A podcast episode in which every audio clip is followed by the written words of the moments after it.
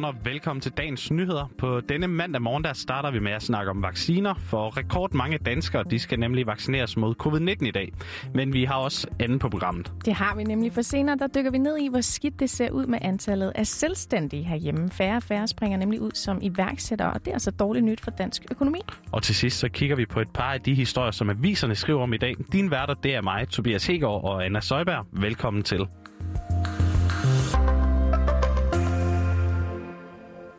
Og vi starter altså med at dykke ned i den store testdag, som vi står over for i dag. For det er nemlig planen, at 100.000 at 100 danskere de i dag skal smøge ærmerne op og blive vaccineret.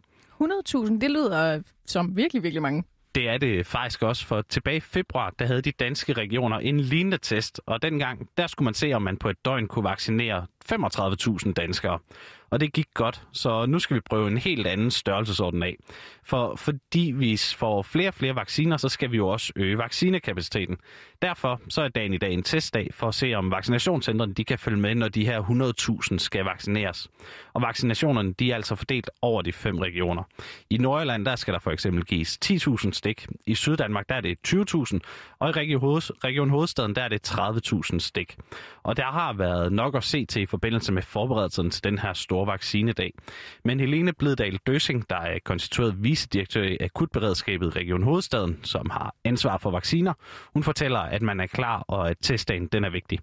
Der skal vi jo vise ude i alle centrene, at vi er i stand til at vaccinere 30.000 borgere øh, på en dag.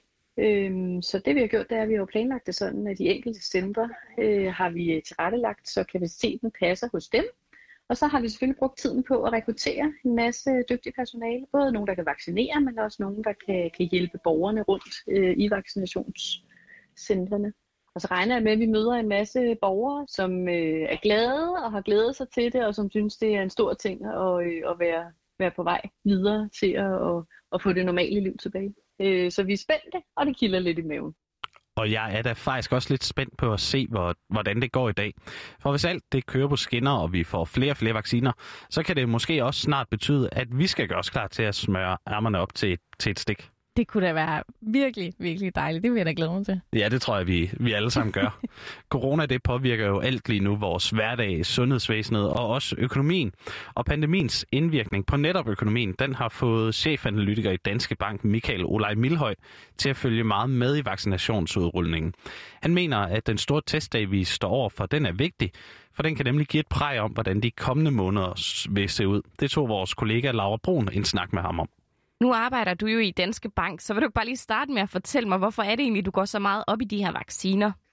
Jamen det er jo fordi, at corona er det allerstørste problem, som vi har herhjemme, og det har også store økonomiske konsekvenser. Og den eneste vej ud af epidemien, det er, at vi bliver vaccineret, og derfor efter det kan vende tilbage til normalen, og dermed også, at økonomien kan komme tilbage på sporet igen. Og det er derfor, jeg går op i vacciner og vaccineudrulning. Og i forlængelse af det, så kunne jeg jo passende spørge dig, hvorfor er det så vigtigt med den her testdag?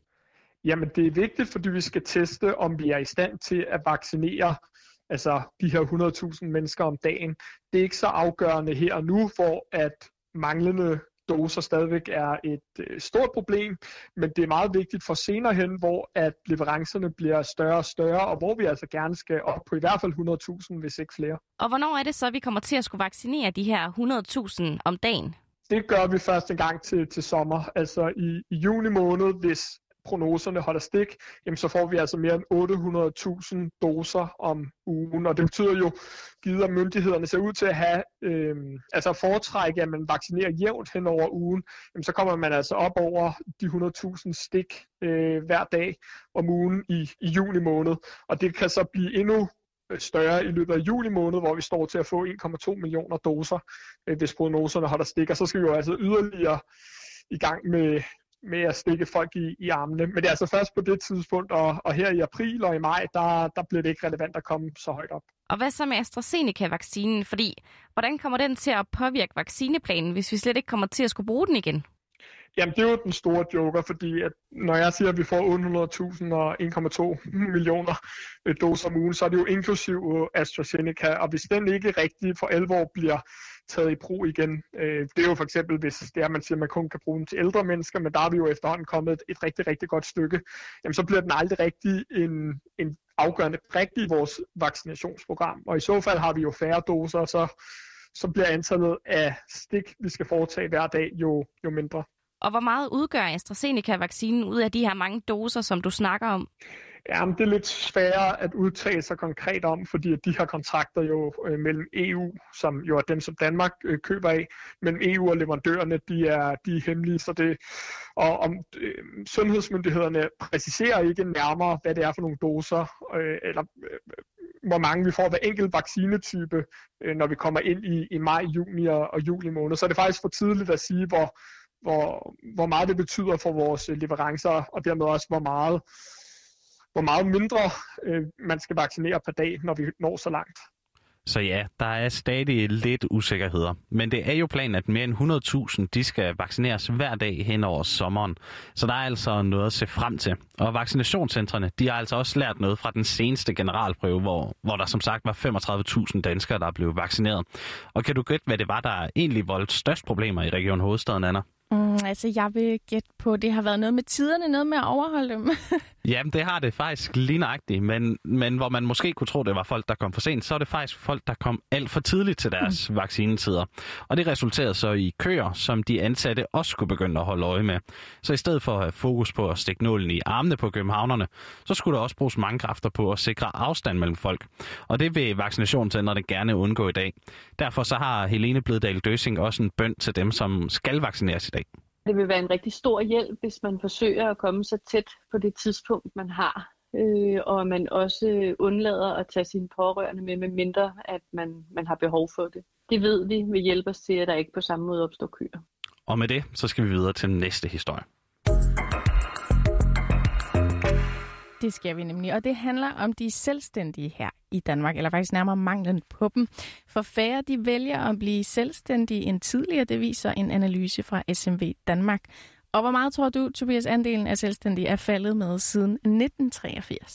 Det har jeg ikke umiddelbart godt bud på. Jeg ville måske have gættet på, at det var stedet, hvis ikke du sagde, det var falden. Ja, jamen det er faktisk faldet 50 procent. I 1983 der var 12,9 procent af alle beskæftigede nemlig selvstændige, og i 2019 der er det tal altså faldet til 6,6 procent. Det var alligevel noget et fald. Jamen, ligesom dig, så tænker jeg egentlig også, at det havde boomet. Men det er altså lidt skidt, det her, at færre de kaster sig ud i iværksætterdrømmene. For de selvstændige og nystartede virksomheder, det er en vigtig kilde til vækst. Det fortæller Alexander Nepper, han er chefkonsulent i SMV Danmark. Det er godt for dansk økonomi at have mange selvstændige, fordi at det vi lever af i Danmark, det er gode idéer, der bliver testet af, og nogle af dem bliver så succesfulde og bliver til virksomheder. Øh, der var engang en, øh, en mand, der arbejdede med læder over i Sønderjylland, og han tænkte, jeg ville gerne skabe en, øh, øh, begynde at lave nogle sko, og det er det, vi i dag kender som ekosko, og en virksomhed, der beskæftiger tusindvis af mennesker i, i Sønderjylland, øh, og, og, og tusindvis af mennesker på verdensplan skaffer milliarder hjem til Danmark. Men hvis den her iværksætter i 60'erne ikke var begyndt at lave sko hjemme på sit værksted, så havde vi ikke haft den her virksomhed. Og det kan godt være, at vi skal have tusindvis af iværksættere, for at der er nogle af de her virksomheder, der bliver kæmpe store. Men alle virksomheder er startet af en person, der havde en god idé. Og jo flere personer, der tester deres gode idéer af i markedet ved at være iværksætter, jo større er chancen simpelthen for, at vi har noget at leve af i fremtiden. Ja, men det går jo altså den forkerte vej, og Danmark er faktisk det land med færre selvstændige, når man kigger på alle beskæftigede i EU-landene. Det var, det var noget overraskende, vil jeg sige. Helt vildt. Har du nogensinde haft en drøm om at blive selvstændig?